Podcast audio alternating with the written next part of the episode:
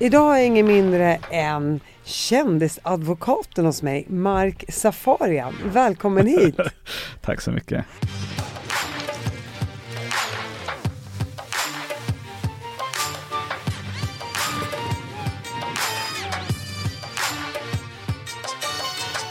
Eh, Jag menar, du har ju företrätt allt ifrån Gunilla Persson, Bingo Rimér, Patrik Ekwall, Katrin Zytomierska, Julia Fransén, Alexander Pärleros. Jag menar, vi kan göra listan väldigt, väldigt, väldigt lång. Och nu sitter du här hos mig. Ja, trevligt. Jag hoppas du slipper företräda mig. Säg aldrig aldrig. Nej, nej, nej, jag säger aldrig, aldrig peppa, peppa. Nej, nej, nej, nej. Eh, Du, Mark, välkommen hit. Tack så mycket. Here's a cool fact a crocodile can't stick out its tongue. Another cool fact you can get short term health insurance for a month or just under a year in some states. United Healthcare short term insurance plans are designed for people who are between jobs, coming off their parents' plan, or turning a side hustle into a full time gig. Underwritten by Golden Rule Insurance Company, they offer flexible, budget friendly coverage with access to a nationwide network of doctors and hospitals. Get more cool facts about United Healthcare short term plans at uh1.com. Since 2013, Bombas has donated over 100 million socks, underwear, and t shirts to those facing homelessness. If we counted those on air, this ad would last over 1,157 days. But if we counted the time it takes to make a donation possible, it would take just a few clicks. Because every time you make a purchase, Bombas donates an item to someone who needs it. Go to bombas.com slash ACAST and use code ACAST for 20% off your first purchase. That's bombas.com slash ACAST, code ACAST. Du, innan vi kommer in på hela din eh, framgångssaga så skulle jag såklart vilja höra lite om din uppväxt. Ja, För du, du är ju inte helt svensk. nej. Du är nej. armenier. Exakt. Är du född i Sverige? Nej, jag är född i, i Jerevan, Armeniens huvudstad, eh, 1986. Det är så länge sedan så det var Sovjetunionen. Så jag varit liksom medborgare i tre länder, Sovjet, Armenien och Sverige. Oj, oj, oj. Ja, visst. Så att eh, familjen eh, lämnade Armenien 95. Det var, då var jag ju nio år gammal och det var ju inte särskilt trevliga tider där efter Sovjetunionens kollaps. Och varför inte det? Vad var det som var så bra med Sovjetunionen tyckte de? Ja, de tyckte att det var liksom rättvisan och det var jämställdhet och de, den sociala tryggheten. eh, Det, det, det uppskattar de. Det, det sjuka är att det har jag hört från andra som, som levde under Sovjetunionens tid. Att det, att det var mycket bättre då. Det låter ju sjukt när man hör det för man tänker ju att Sovjetunionen var kommunistiskt och det var väldigt stora orättvisor och stora klyftor. Men klyftorna kom ju egentligen med kapitalismen sen. Precis. Eh, när de började närma sig USA. och att många gick i bra skolor, det var tryggt, alla hade mat på bordet och så vidare. och så vidare. Stämmer den Ja, bilden? den beskrivningen, absolut. Självfallet, den beskrivningen kan jag väl någonstans förstå också att det är liksom, det är inte eh, Ja, håll dig borta ifrån politiken. Så får du mat på bordet och kan jobba med Ja, utbildning, mat på bordet, du får ju resa inom, inom det stora så att säga landet. Va? Så att, eh, Men jag tänker, du är armenier och Armenien har ju alltid varit en utsatt grupp i världen kan man ju säga. mm. Eh, Armenien blev ju självständigt vilket år? Ja det var ju efter Sovjetunionens eh, kollaps egentligen, Ja. 1991. Eh, dessförinnan så var det 1918. Det, det, det är en gammal kultur med språket och traditionerna och man brukar ju Armenien är ju ett, ett litet liksom kristet land i, i en region omringad av ehm, ehm, muslimska länder. Eh, man brukar säga att Armenien är ju världens första kristna nation och det, det är en väldigt konservativ och väldigt liksom traditionell kultur och så. Så att man har liksom försökt eh, Jag tror att man har försökt liksom för att skydda sig mot andra eller mot eventuella liksom fiender och så, så har man liksom stängt in sig i liksom i den lilla delen av Kaukasus.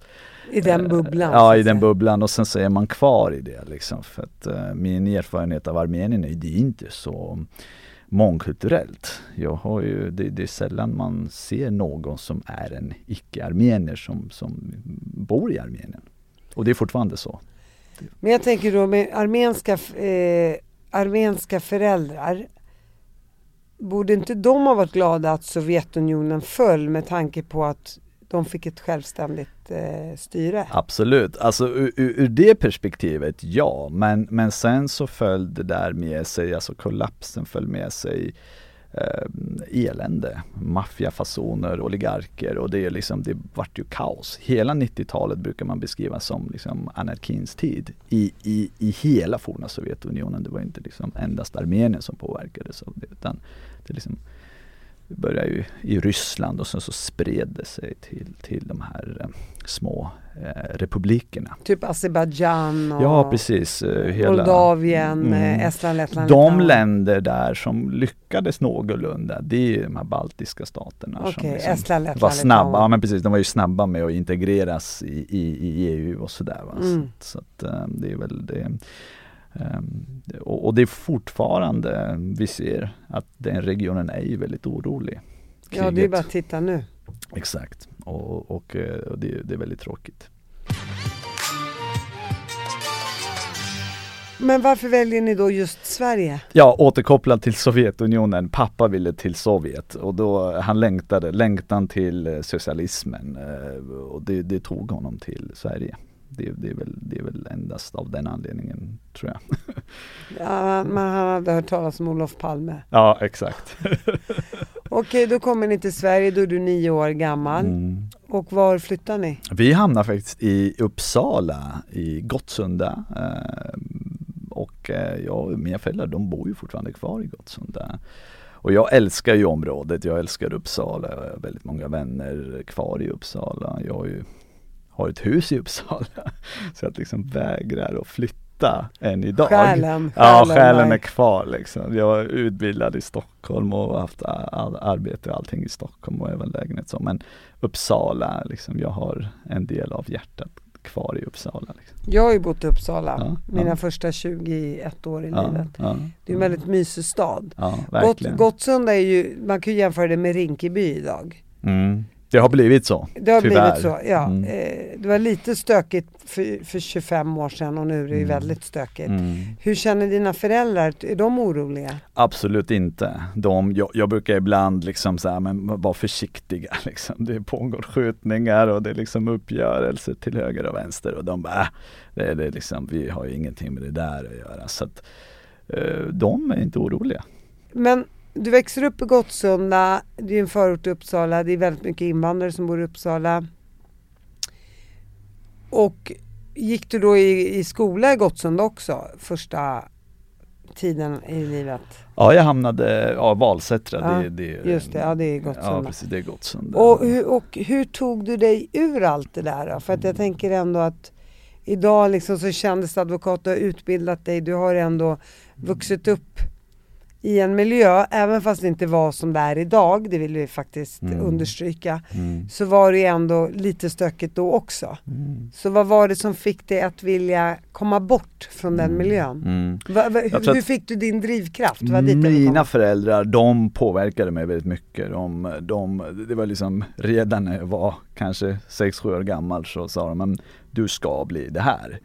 Eh, vi vill att du läser böcker böcker, att du liksom gör läxorna och liksom, jag var en ganska stökig person, eller i min ungdom var jag ganska stökig, men jag liksom prioriterade utbildningen, jag prioriterade skolan. Och sen kunde jag göra det liksom, hänga med kompisarna och liksom vara lite stökig och i största allmänhet sådär. Men skolan var viktigt och det har det alltid varit. Och de hade koll på dig? De hade koll på mig och jag kommer ihåg att när vi reste till Armenien eh, och sådär och träffa släktingar och så, så min eh, mormor hon var ju professor i, i, i, språk. Så att hon tvingade oss läsa skönlitterära texter. Så jag, när jag ser de här böckerna idag, jag förstår ju knappast liksom. men på den tiden så satt vi och, och läste i flera timmar. Gjorde vi. Det var jag och mina andra kusiner som liksom blev utsatta för mormors påtryckningar. Eh, det kanske är där, därifrån det kommer den här liksom att amen, man vill ju liksom man är aldrig nöjd, man vill ju vidare, man vill liksom jobba med sig själv och så vidare. Nu var ju din mormor professor så det är klart det är lättare att så här, Mm. satsa på en utbildning när man redan har akademiska Mm. mor och farföräldrar i, i bagaget, självklart.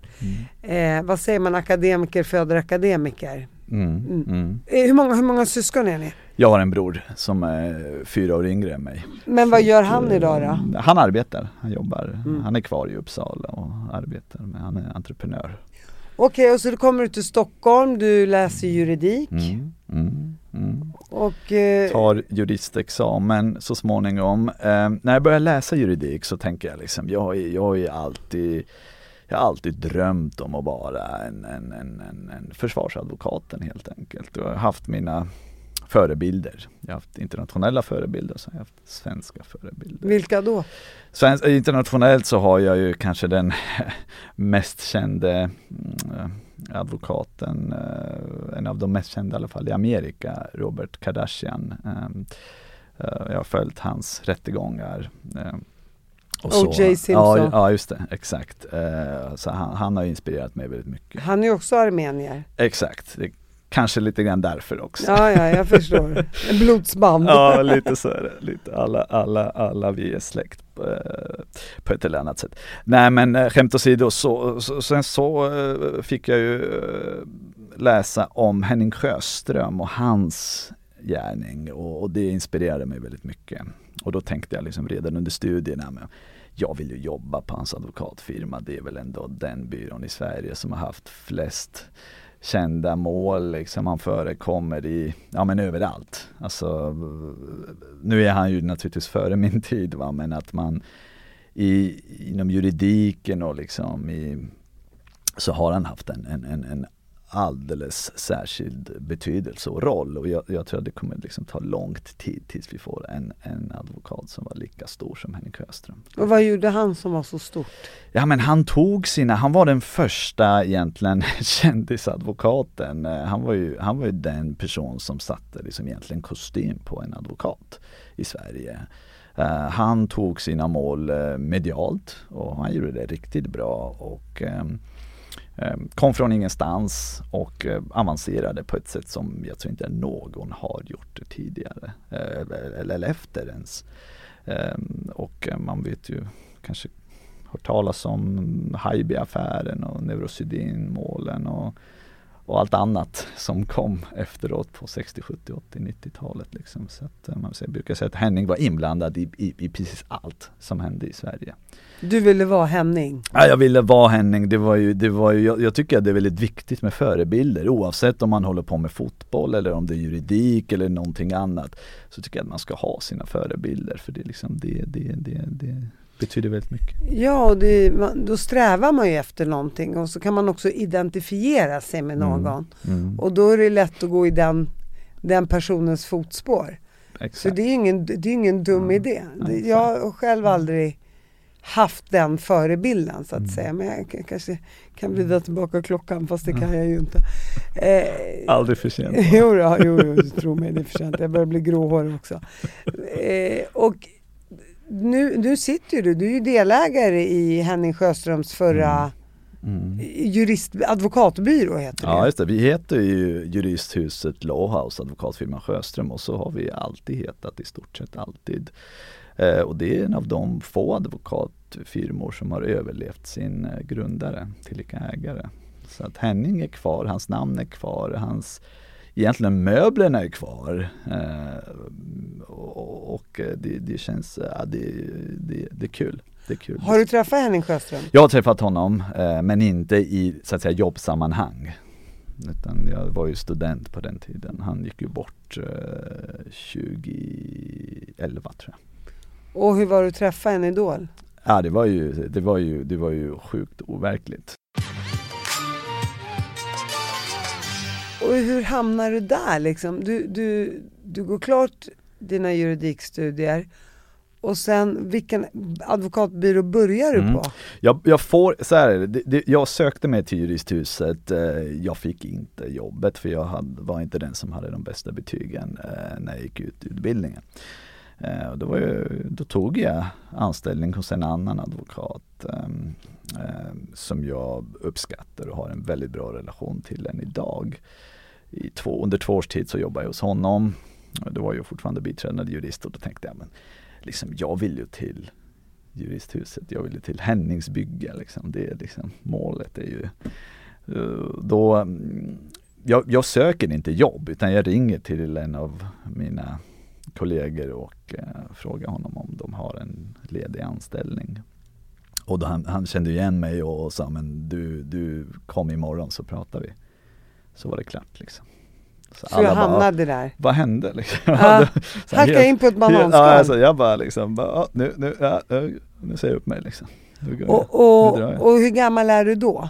Ja då är jag 30, vad är det, 31 och hur länge hade du jobbat? Bara i två år? Två år, två, tre år någonting. Så du var inte klar förrän du var 28, 29 år? Ja precis, precis. Så att du pluggade i många, ja, många år? Juristutbildningen är ju fem år, för mig så tog det pff, sex år, sex och ett halvt. Ja, vad då började du plugga när du var 23 då eller? Uh, 22 typ.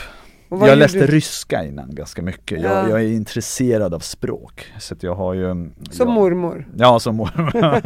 ja, precis. Hon har ju påverkat mig väldigt mycket tror jag.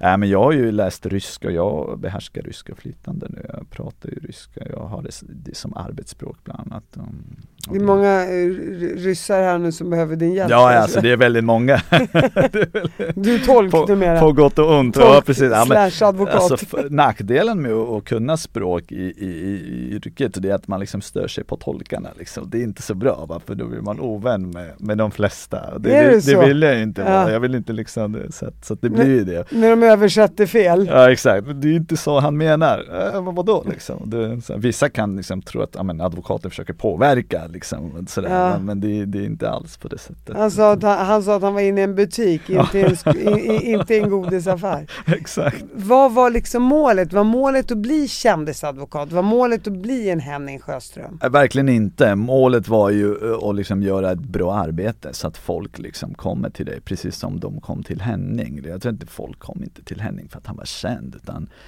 uh, folk sökte sig till honom för att han var bra. Han var en duktig jurist. Uh, och det är, liksom, det är det som har varit målsättningen för mig och det är det fortfarande.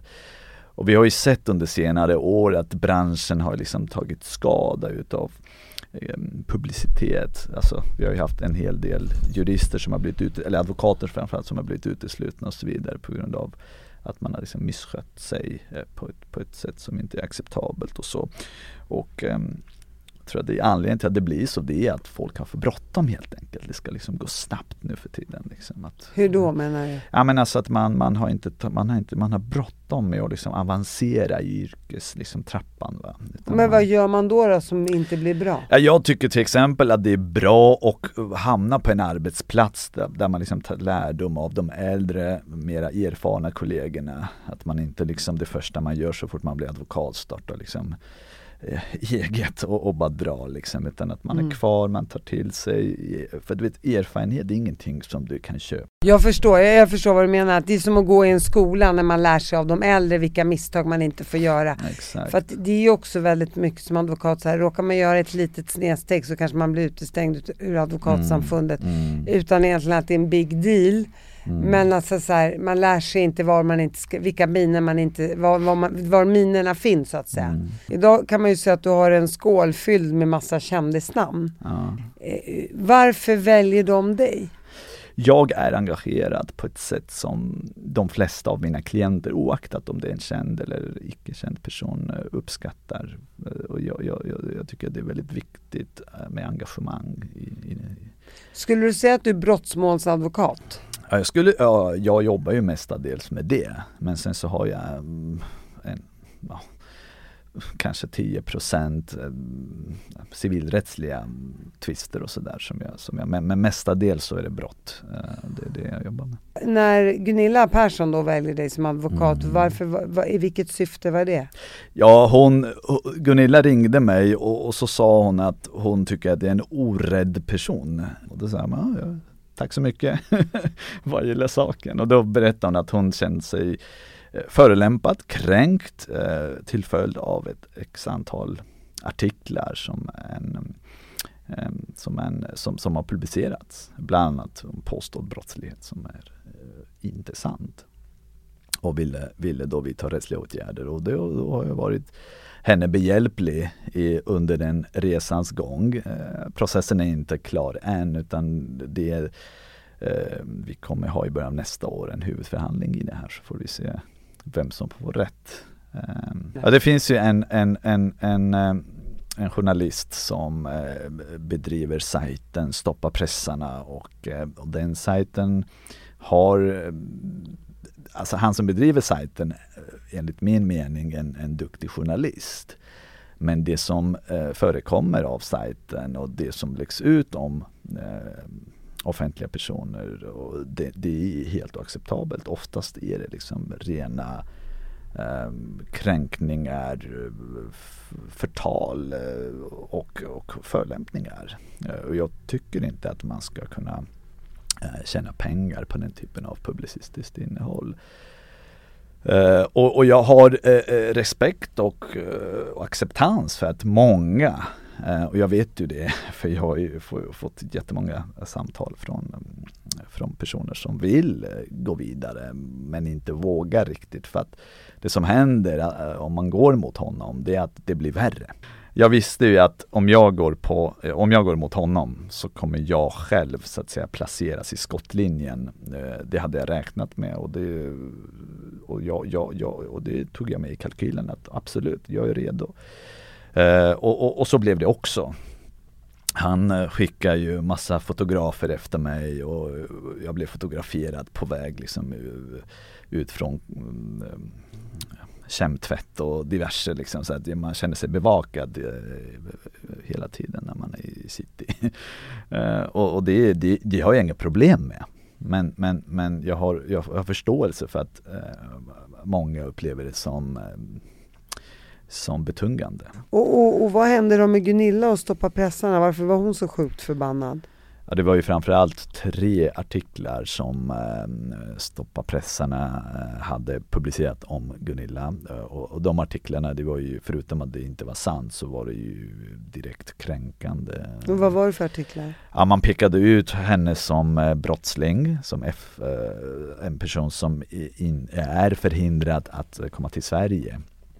Uh, och uh, det ungefär handlar det om att eh, Gunilla Persson stoppas från, från uh, resa till Sverige på grund av att hon riskerar att bli arresterad av polis då hon är dömd för bidragsbrott av, i Sverige. Vilket är ju inte sant. Gunilla är, eller har aldrig varit dömd för brott överhuvudtaget i Sverige eh, och, och, peka ut en, en, en, person som brottsling, dömd, dömd brottsling. Eh, det är, menar jag utgör förtal. Eh, dessutom så är det eh, två till artiklar som, som, eh, som är anmälda. Bland annat att eh, Gunilla tvingar då sin dotter Erika klä av sig eh, för att liksom på så sätt eh, ja, eh, det visar ju att hon är en, hon är en dålig mamma helt enkelt. Som, som klädde av sin dotter. Liksom. Eh, för, för, att kanske få publicitet eller tjäna pengar. Och, och, och, det, det tredje handlar om att hon utsätter, hon anklagas för djurplågeri och det, det är inte heller okej. Okay, liksom. För det, eh, och, och, och egentligen så har ju liksom, hans artiklar kan ju handla om eh, det, det, det, det, är liksom, det, det, det är så sjukt att man kan ens komma på tanken att skriva den typen av artiklar som oftast hamnar på den sidan. Men Till exempel, varför såg... går folk in och läser det här då? Ja, men varför... jag vet ju inte, det är liksom, jag vet ju, jag, han skriver att det, det, det, det, vi har nästan en miljon besökare liksom i veckan. Så jag vet inte om det är sant eller inte men det, ja, alltså, jag menar folk kanske är i behov av att roa sig. Jag vet inte, jag tycker, jag har ju väldigt svårt att se poäng med att liksom publicera den typen av artiklar. Men jag, jag, jag, artikel. jag, jag, ser ingen poäng i att gå in och mm. läsa om någonting är helt åt helvete fel äh, heller. Äh, jag var inne där på den sidan. Om det nu är så. Så att Niklas Strömstedt liksom bajsnödig på gågata och sen liksom stor bild. Ja, men liksom vad har det för liksom intresse? Ja, vad är det för nyhetsvärde i det? Ja, liksom. Och varför skriver man det överhuvudtaget? Mm. Jag, jag fattar mm. inte. Mm.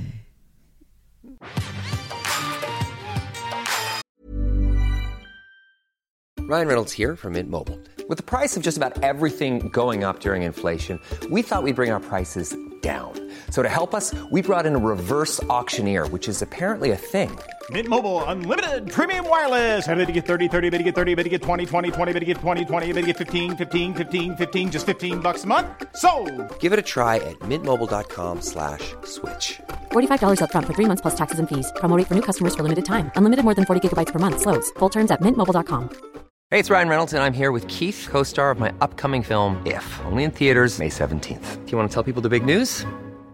All right, I'll do. Sign up now and you'll get unlimited for $15 a month and six months of Paramount Plus Essential Plan on us. Mintmobile.com slash switch. Upfront payment of $45 equivalent to $15 per month. Unlimited over 40 gigabytes per month. Face lower speeds. Videos at 480p. Active Mint customers by 531.24 get six months of Paramount Plus Essential Plan. Auto renews after six months. Offer ends May 31st, 2024. Separate Paramount Plus registration required. Terms and conditions apply if rated PG.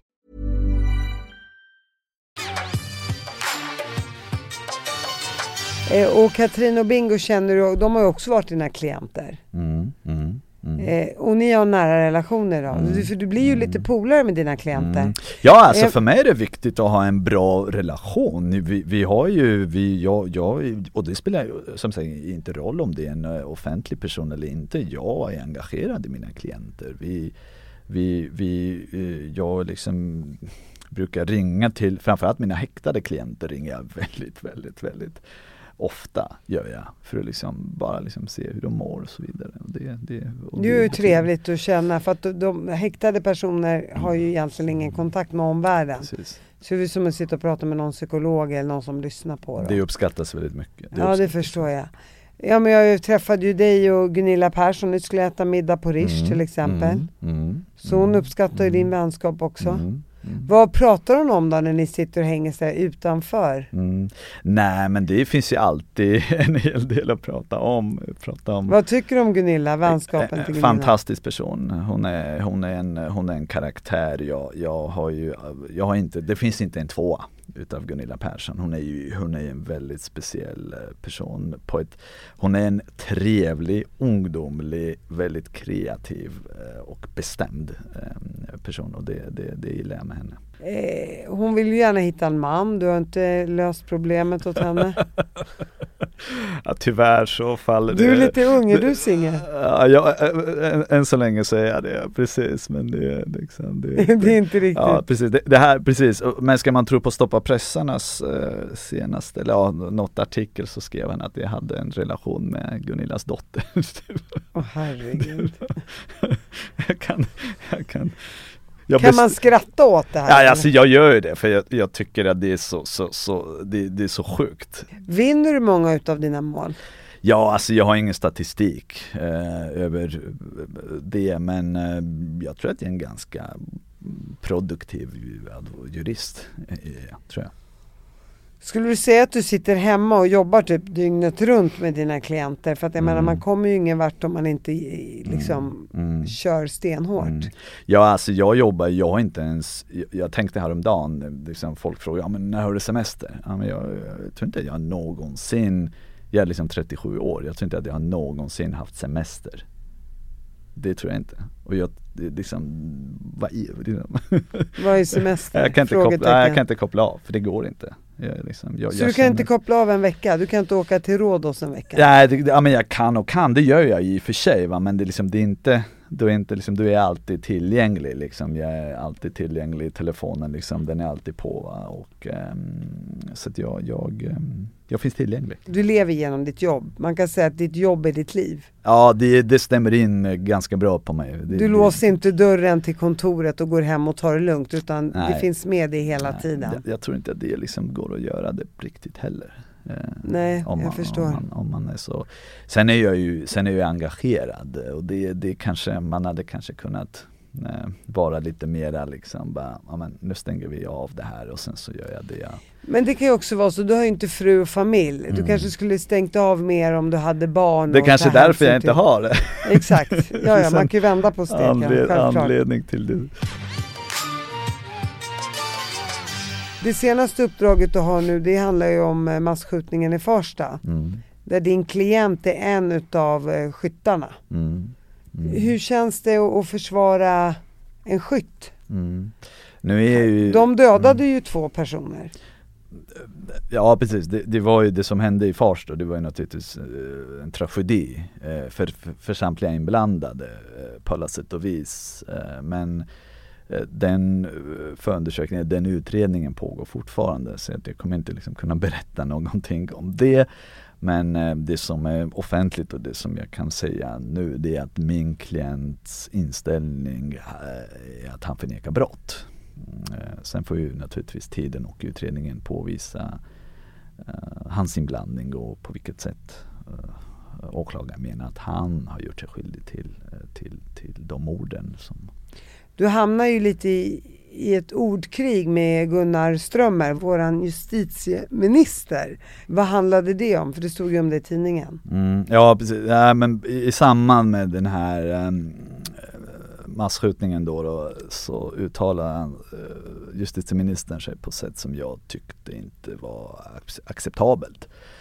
Uh, han uh, gjorde en benämning om inhemska terrorister och jag tycker inte att liksom, politiker ska lägga sig i hur den liksom, dömande verksamheten sköter utredningar och liksom ha åsikter om eventuella brottsrubriceringar utan det är, liksom, det är upp till de rättsvårdande myndigheterna att liksom ombesörja är det inte lite typiskt politiker? Jag, jag, bara tänker så här, när en advokat gör bort sig då lite mm. Så sparkas han ut ur advokatsamfundet. Mm. Men en politiker sparkas ju inte ut när han lägger sig i saker som han inte får lägga sig i. Mm. Och det där är ju en typisk sak som politiker håller till politiken, juridiken håller sig till juridiken. Och när de då går ut offentligt och, och, mm. och börjar så frön i, i människors huvuden så kan det ju det där liksom det kan ju gå åt skogen. Mm. För man kan ju också, det där kan ju skapa rasism, det kan ju skapa rädsla hos människor. Absolut. Är det inte så du Absolut. tänker lite grann? Jag håller med om det du, din beskrivning, det, så är det ju. Jag menar det är den så att säga, verkställande makten ska inte blanda sig in i liksom, den dömande liksom, verksamheten överhuvudtaget. Sen att liksom göra politiska poäng utav tragedier och så här, det, det, det tycker jag inte heller rätt. Nej, då får man ju istället då börja jobba för ja, att det inte ska ske överhuvudtaget. Ja men precis, det är liksom deras primära jobb, uppgift är inte liksom att liksom inkomma med egna brottsrubriceringar utan snarare liksom se till att ja, men, skapa en klimat där de här ungdomarna som i tidig ålder faller i brottslighet, att de liksom håller sig undan ifrån de miljöerna och, och liksom håller, gör någonting annat istället. Skapar sig förebilder, precis som, som jag gjorde eh, på min tid. Eh, jag hade inte de bästa förutsättningarna, även om jag kom från väldigt bra familjeförhållanden så hade jag inte de bästa förutsättningarna när jag liksom var nyanländ eh, i Sverige. Det hade jag absolut inte. Nu när du, du, du har ju invandrarbakgrund, du har lyckats. Nu sitter du med en kille som är anklagad för dubbelmord i Farsta. Det var en 15-årig kille som dog och eh, en äldre man. Vilket är fruktansvärt och en riktig tragedi. Vad känner du, jag menar som, som en svensk med invandrarbakgrund, för de här killarna? Kan du känna liksom någon form av sorg över att det har blivit som det har blivit? Mm. Och, och hur skulle du agera eller säga till politikerna att agera för att det ska ta en, en annan vändning i samhället? Mm. Alltså jag, jag, min uppfattning i frågan är liksom att de här ungdomarna, de behöver hjälp. Eh, framförallt hjälp med att liksom komma in i samhället, integreras, eh, få utbildning. Liksom. Alltså att få en utbildning, det ska vara det primära. Det är, det, det, är, liksom, det är dit man ska liksom mm, siktet måste vara inställt på att liksom, ja, men jag ska utbilda mig först. Och sen det här med feta bilar, klockor och så vidare. Det kommer ju sen, det är, liksom, det är på köpet. Men du måste vara liksom, det är liksom, du ska, om man tar fotbollsspelare till exempel, så, så du börjar inte spela i Premier League det första du gör, utan du börjar kanske i division 2, 3, 4, 5. Sen avancerar du upp till, till, till, till, till de bästa lagen. Liksom. Men, men, hur ska man nå dit om man sitter i en familj som är analfabeter, mm. inte kan språket. Man öppnar dörren och det första man gör är rekryteras till någon, någon gängmedlem som, som kan locka med, med pengar och, och, och klockor och, och, bilar. Hur ska man inte hamna där. Alltså det känns ju så enkelt för de här barnen att bara så här, ja men this is the easy way out. För jag menar, hur, vadå utbildning och matematik och det, det blir ju för svårt bara du säger ordet Det utbildning. tar så lång tid Ja. dessutom, eller? Ja men hur ska jag ens nå dit? Vem ska lära mig vad algebra är eller Mm. vad det än är? Hur, hur, liksom mina föräldrar kan inte språket, jag klarar mig inte i skolan, jag får ingen hjälp på eftermiddagarna. Jag känner mig utanför det svenska samhället och här behöver jag bara öppna dörren och veta att jag kan tjäna 10 000 spänn om dagen. Mm. Hur ska du få en sån kille motiverad? Jag tror att skolan har en, en viktig roll i det hela. Har inte du förutsättningarna hemma så ska du få dem av skolan. Och nu vet jag inte hur det ser ut inom svensk skola men jag misstänker att det inte det är inte så engagerad miljö utan de här får ju göra precis som de vill och det är liksom ingen som bryr sig riktigt heller.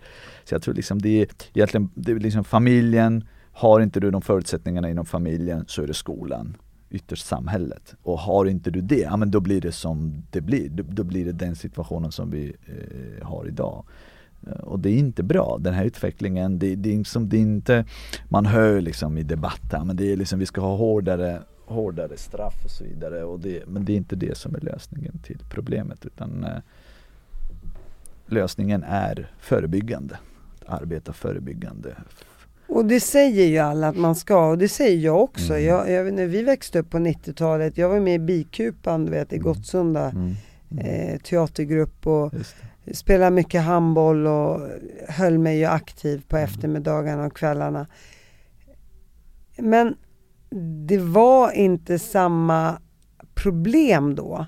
Och då fanns det också en stor invandrargrupp och de har ju lyckats de flesta. Så det är Mm. inte så att det inte går. Man, man har ju haft facit i hand. Det är inte så att någon bara uppfinner hjulet helt plötsligt. Men hur ska vi hitta tillbaka till det där? Ja, jag tror att d- d- tiden var ju annorlunda. Om man tänker sig liksom 90-talet, det var liksom, alla var ju så prestationsbaserade på något sätt. Liksom. Det var en tävling, man ville liksom ta sig fram hela tiden. Men för, eller vill- framförallt liksom det här med kriminalitet var så långt borta. Nu Ja. är det ju skjutningar hela tiden. Man är ju rädd för att gå ut på gatan. Man vågar inte skicka sina barn till krogen. Man är ju rädd att det ska bli bråk i kön. Och såklart det har alltid funnits kriminalitet men de här dödsskjutningarna. Hur får vi stopp på dem? Det, det, det känns ju som att det är krig ibland. Ja, ja, ja tyvärr, det är ett problem vi har, det är ett samhällsproblem, eh, på riktigt är det. Eh, och, och, men, men, men, men lösningen är inte eh, ur påföljdssynpunkt liksom hitta på ja, men, hårdare straff och, och, och liksom, eh, metoder som handlar om att man ska liksom inskränka ens fria och rättigheter utan det ska liksom handla om att förebygga, förebygga och jobba med ungdomar, jobba med familjer som behöver hjälp och stöd och, och framförallt liksom ge resurser till skolan. Vi har väldigt mycket pengar i det här landet, det är en av världens rikaste länder. Varför inte eh, eh tillsätta eller avsätta resurs för att eh, komma till rätta med problemet? Satsa! Pengarna behöver liksom in i, i skola och, och, och socialtjänst och den typen av verksamheter. Det är inte liksom brottsförebyggande delen, det kommer ju, det kommer ju där. Det, Det, det, det är ju så. Och se- sen är det väldigt många som tycker så här, ja ja men de här invandrarna kommer hit och begår brott och så vidare. Och vad folk inte riktigt förstår heller tror jag, det är att så här, det här är ungdomar som har bott i Sverige hela sina liv. De lever i ett segregerat samhälle. De vet inte vad som händer utanför sina områden. Och många lärare, de- alla, de larmar ju redan de här barnen är 10-11 år gamla. Det är ju redan där man måste in med, som du säger, med familjer, ta in familjer och att det ska finnas resurser. Och då kan man ju också tycka då som, som icke-kriminell, varför ska vi betala skatt och jobba och betala för det där, vi, vi har det också tufft och jag jobbar ju också eh, på nätterna på sjukhuset och liksom mina barn är inte kriminella för det. Att det, att det skapar också en orättvis känsla hos de som faktiskt känns, kämpar och det, det måste man ju respektera och förstå. Men samtidigt är det ju så här, livet är orättvist någonstans och man måste ju ändå sätta resurserna där det inte är bra för att det blir en våldsspiral och det kommer bli ännu värre om vi inte gör något akut åt situationen. Och jag håller med dig, egentligen hjälper ju inte längre straff. Det gäller ju att, att göra så att de här barnen inte hamnar där så vi skippar kriminalitets... Eh, så, så, så, så att vi slipper den höga krim, kri- krim, kriminalitetssiffran i samhället. Men det är ju barn det handlar om och det är utanförskap och det är segregation och det är massa grejer. Och jag brukar också säga det, det handlar egentligen inte om invandrare och svensk, det handlar om fattig och rik. Exakt. Om, om vi nu ska Exakt, liksom hårdra det hela. Exakt, exakt. Det här med att man liksom, den här uppdelningen mellan etniska svenskar och icke, det är liksom, jag tycker att det har ju endast politiska eh, tankegångar. Jag ty tycker inte att det präglar egentligen verkliga förhållanden överhuvudtaget. Jag känner väldigt många första generationens invandrare som, som, eh, som är höginkomsttagare som har lyckats riktigt bra, som eh, ombesörjer eh, flera hundra anställda och så vidare. Och så vidare. så det, det är liksom, det är inte, och de pratar man inte om högt. Alltså, utan de är ju, de är ju liksom anonyma. Va? Utan det, det, det är liksom det dåliga som kommer fram sådär upp på ytan. Den uppdelningen är liksom, det, den är inte bra heller. Jag tycker inte att den är rättvis och den är liksom inte Nej. korrekt heller. Det är liksom, Jag- Jag håller med dig 100 procent och liksom, det är klart, i och med att jag hänger mycket bland de som är framgångsrika Ja. så ser jag ju också hur många som helst framgångsrika svenskar med invandrarbakgrund som betalar f- tiotals miljoner i skatt varje år. Alltså de är superduktiga. De pratar vi inte om. Vi pratar om de där 200, 300, 400 gängkriminella som förstör för hela samhället. Men man talar inte om de där 90 procenten som Nej. faktiskt gör jobbet. För där finns det inga liksom, politiska poäng att hämta. Men skulle du ändå säga, jag menar du är ju kristen och, och, och jag menar det här, eh, många tycker det här med muslimer och att det är hej och hå, att de tar hit sina sharia-lagar. Och, Är det din bild utav islam i Sverige? Absolut inte. Jag har väldigt många muslimska vänner och kollegor och aldrig upplevt något avvikande överhuvudtaget. Aldrig, aldrig. Jag, jag känner inte igen den beskrivningen. Ändå så umgås jag väldigt många. Både i, i, inom ramen för yrket och även eh, privat. Den beskrivningen känner jag inte igen. Nej, för där också är det så här, ja, det ploppar upp liksom 50 personer som blir förbannade för att man bränner Koranen, vilket är helt onödigt, det kan vi ju båda hålla med om. Och eh, jag tycker att en sån handling ska vara oacceptabel. Inte för att jag själv skulle gå dit och visa liksom, hej här är jag, jag tycker du är dum i huvudet, för att jag skulle aldrig ge dem min uppmärksamhet överhuvudtaget och jag är ändå muslim. Men samtidigt tycker jag inte att man bränner upp någon form av eh, Det är att visa orespekt. religiös Ja, bok. absolut. Men då går ju Richard Jomshof ut nu i Expressen för två veckor sedan och tycker att det är alla muslimska länders fel och det är en barbarisk religion ungefär, eh, eh, religion och muslimer hit och muslimer dit och där finns det ingen demokrati och här får vi göra vad vi vill för det är, vi har yttrandefrihet. den beskrivningen av islam till exempel eller, eller muslimer i synnerhet det, det, det, det har ju till syfte att tjäna politiska poäng. Precis som beskrivningen av brottsligheten, det har ju liksom, det, jag tycker inte att man ska liksom göra politik utav precis allt. Det blir inte bra. Det blir, det blir ingen bra, det blir ingen bra ehm, stämning i samhället. Eh, utan folk ska inte liksom Nej men för, för, för att man såg ju återigen frön och då blir det ju en bild av muslimer att de är kriminella eller att de är eh, att de begår eh, såna här terrorhandlingar och så vidare. Och då får man inte glömma att det bor ju 1,6 miljarder muslimer på den här planeten. Exakt. Och det skulle innebära om alla var terrorister, ja då skulle det inte leva en, då skulle det inte finnas en enda levande människa på den här planeten. För om, om en terrorist tar med sig fyra personer så är ju den här världen över. Det kommer inte finnas en levande människa kvar. Så, så det, det, det, det går ju inte. Eh, Det finns 1,6 miljarder muslimer, det är 25 procent utan av världens befolkning. 90 procent lever i icke-demokratier i världen. Och då innebär det ju att de 25 procent då enligt honom lever i förtryck och allting. Vad gör de här andra 65 procenten som också lever i icke-demokratiska länder som inte är muslimer? Jag bara undrar liksom. Ja, alltså min, min så här, jag har ju, eftersom jag kommer från Armenien och Armenien är ju, har ju levt tillsammans med muslimska grannar i flera tusen år. Ehm, och det har ju liksom egentligen aldrig varit ett problem. Eh, snarare tvärtom. Man har liksom levt i symbios med varandra. Man har liksom handlat med varandra. Man har liksom...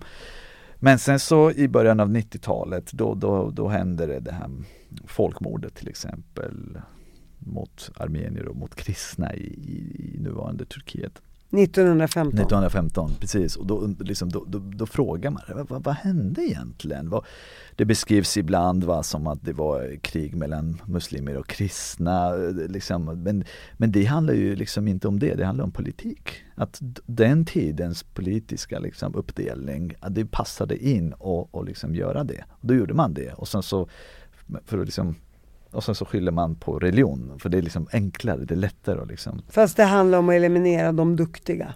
Såklart. Såklart. Som man gjorde under andra världskriget med judarna. Såklart. Obviously. Såklart. Och, Och det- nu, och det Putin gör idag till exempel i Ukraina, det handlar ju egentligen om samma sak. Nu, nu är de ju terrorist eller nationalister, ska man säga. Eh, Ukrainska regeringen är ju multinationalister, alltså ultranationalister. Såklart, det är liksom enklare att få acceptans när man liksom gör den typen av benämningar eh, som anspelar på religion och, och liksom ideologi och så vidare. Men det säger jag alltid. Alla krig, inget krig, alla bara ja men det är så mycket krig på grund av religion. Man bara nej, Ja. det handlar om makt och pengar. Det handlar inte om religion. Det är precis som i kriminalitet, det handlar om fattig och rik. Återigen, pengar, pengar, pengar, pengar och makt. Det är det enda som driver människan framåt. Självfallet. Sen kan man ju säga så här, ja vi är kristna, vi är muslimer. Det bor ju otroligt mycket armenier i Syrien vet jag, för jag är ju född i Damaskus. De är ju alla guldsmed och har massa guldbutiker. Där har det ju aldrig varit ett problem mellan kristna och muslimer heller så länge jag har levt på den här planeten i alla fall. Jag har pratat med många armenier som har bott i Iran till exempel och det är ingen någonsin har blivit utsatt för någonting till följd av den kristna religionen. Det finns ju armeniska kyrkor överallt egentligen i hela Mellanöstern och det ju, jag har aldrig hört någonting alltså om att, om att man, man som kristen har blivit utsatt för, eller, utsatt för repressalier eller liksom något. Eh, Och, och det är det tror jag att många liksom sitter på sina fördomar och säger, Mm. men vadå vi får ju inte ha ky- kyrkor i Saudiarabien.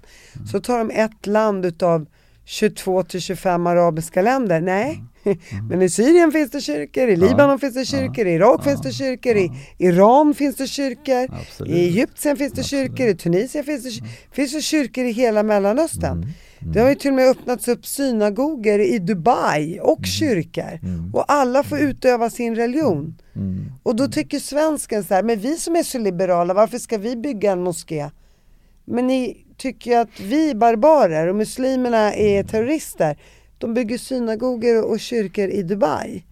Men det är, det är ungefär som att nej, nej, nej, men det kan ju inte ske för vi har läst i Expressen och Aftonbladet att eh, för Jomshof säger, förstår du? attitydförändring, det är det som krävs, det är det som behövs. Så att man, alltså, media, det är liksom det man läser, liksom det, det, det, det är bara, det är liksom jag tycker att folk ska lägga ner mer tid på att liksom utbilda sig i historia eh, och, och se hur, hur, hur har det varit för liksom 100, 200, 300, 500, 1000 år sedan. Och, och, liksom, och, och, Det ju lett till var vi är idag. Exakt, det är det folk måste exakt. förstå. Är inte liksom, Men jag, jag tror också att eh, vi blir så inpräntade idag med, med media och vad som Mm. står i media. Titta på de här nyhetskanalerna. Så det blir våran sanning. Mm. För vi orkar inte hitta vår egen information. För att hjärnan hinner liksom inte med. Mm. och det är så mycket också. Va? Du har ju också haft den här svenska Tinderbedragaren. Jag såg dokumentären i huvudet på en gärningsman där du, inte, där du är med i den här äh, killen som har eh, lurat 400 tjejer på bedragit dem. Eller, och du menar på att, vad, vadå, de får skylla sig själva eller? Ja, alltså, ja, vi har ju vi har ju lämnat en förklaring, min klient har ju lämnat en förklaring eh, om hur det kommer sig att, att han hamnar i en sån situation. Och jag menar att hans förklaring är ju godtagbar och acceptabelt. Och vad är det då enligt Nej men dig? enligt, enligt, enligt hur vi såg på det eh, då det Du var, också? Ja, ja, jag är försvaret så att jag har ju min klients sanning, det är min sanning så jag har ingen anledning att liksom gå in och misstro honom. Den förklaringen som han har lämnat eh, under domstolsförhandlingarna och även eh, till mig, den mm, anser jag är eh, Och vad är det då? Ja, det handlar om att han har hans sätt att leva livet. Alltså han har ett liksom, han lever i, i, i, i, i, i lyx och han älskar liksom glitter och glamour. Va? Och väljer man, och det förstår man ju, träffar man honom så fattar man att ah, men den här killen han är inte liksom vem som helst, han beter sig på ett liksom väldigt extravagant sätt. Va? Och då, då, då menar jag att eh, om man väljer att vara tillsammans med en sån person så är man någonstans införstådd med att det kommer att kosta. För det är liksom tjänster och gentjänster. Om du är liksom eh, väljer då liksom resa med den här personen till, till till, eh, vet jag, till Hawaii, liksom, bo på hotell för liksom 55 000 per natt. Ja men då får du liksom kunna tänka dig och räkna med att du kanske kommer behöva bidra med någonting också. Så tjejerna menar du på, de trodde att han skulle ge dem en lifestyle Mm. och han menar på att men om du åker med mig till Hawaii så ska du ge mig den lifestylen. Alltså egentligen ömsesidigt, eh, givande och tagande. Jag menar han köpte resor och de köpte resor och det var ju liksom, det var ju ett givande och tagande. Det är ju som i ett, vilket förhållande som helst. men han hade väl typ så här 400 samtidigt eller? Ja nej men det, är- det är kanske en sanning med modifikation. de avlöpte varandra. Nej, han- Nej vänta, han de avlöste varandra. Ja, ja, jag vet inte hur många han, han dejtade så men, eh, men han var ju populär bland tjejer, det var han. eh, Det var han. Men varför åker han dit då? Nej men för att åklagaren anser att, att brott har begåtts. Eh, att han har ju i något avseende vilselett personerna att eh, bete sig på ett sätt som, som utgör brott. Betala honom pengar? Till exempel att låna ut eller, eller vad det nu kan tänkas vara. Va? Och det, det Lite som den här israeliska Tindersvindlaren. Ja det är snarlik beskrivning.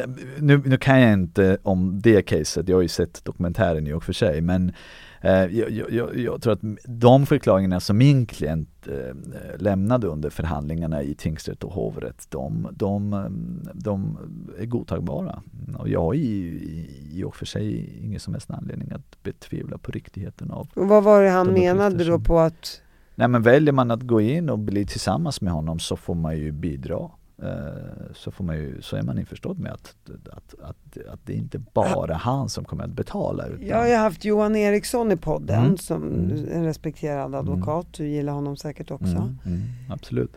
Och det här var två, kanske ett, två, två år sedan. Det går, tiden går så fort när man Mm. har roligt tänkte jag Ja. säga. Och han har ju skrivit en bok då, då om, om sina klienter, att det finns en, en människa bakom varje klient.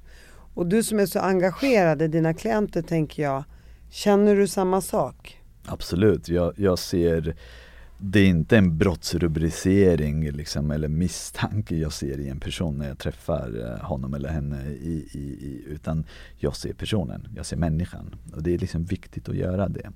Och när man ser människan då har man lättare eh, för att förstå, lättare för att få liksom acceptera situationen och, lätt, och, och, och, och eh, det är väldigt viktigt att man ser personen eh, och inte inte låter sig påverkas av, eh, av eh, media och av liksom förutfattade meningar och så vidare. Och vad känner du då, eh, framåt liksom? Vad, vad, vad kom, jag menar du är ju otroligt engagerad och, och det finns ett engagemang för det utanförskapet. Känner du att du vill göra någonting åt samhällsproblemet? Mm. Jag är ju ute ganska en hel del ska jag säga och inspirerar ungdomar och jag har ju det har ju gått väldigt bra för mig. Eh, jag har ju, jag, jag, jag kör de fina bilarna, jag har liksom, jag syns eh, och det ser folk och det, jag har inga problem att, att berätta om min resa, hur jag, hur det kommer sig att jag har hamnat i en sån position. Eh, och jag, jag, um, mina föräldrar de bor ju fortfarande kvar i Gottsunda, jag har ju hus i Sunnersta är där Det, och då vill jag säga tillägga att det är ett fi, väldigt fint område i, i Uppsala. Ja, det är en förort. Han gick from trash to flash. Men jag är en hel del i Gottsunda och, Ja, liksom, och hänger och, och, och, och, Ja, ja, eh, och, och, grabbarna kommer fram och liksom hur, ja men, så här, men satsa på skolan, utbilda dig. Kan jag så kan du. Liksom, det finns ju ingenting som kan hindra dig. Du är inte förståndshandikappad. Och hur ser framtiden ut nu då? Ska du gifta dig, skaffa barn? Har du tid för det? Ja, alltså, Du jag är ju singel så att jag menar de som, jag Ja, menar, ni, ni kan ju alltid var- få tag på dig. Du har ju en Instagram-sida hoppas jag. Ja det har jag, det har jag. Ja. Nej men, nej men jag har inte, jag, ma- ma- mamma säger att det är dags att liksom prioritera familjen och sådär. Jag har ju han säger, du har ju liksom, ta tag i det där nu innan du blir för gammal. Jag, jag känner mig fortfarande, jag är 37 men jag känner mig som 25. ja, du är fortfarande ung. Det kommer när det kommer. Ja exakt, exakt. Så är det. Tack för att du kom hit. Tack snälla. Tack, Ja. tack.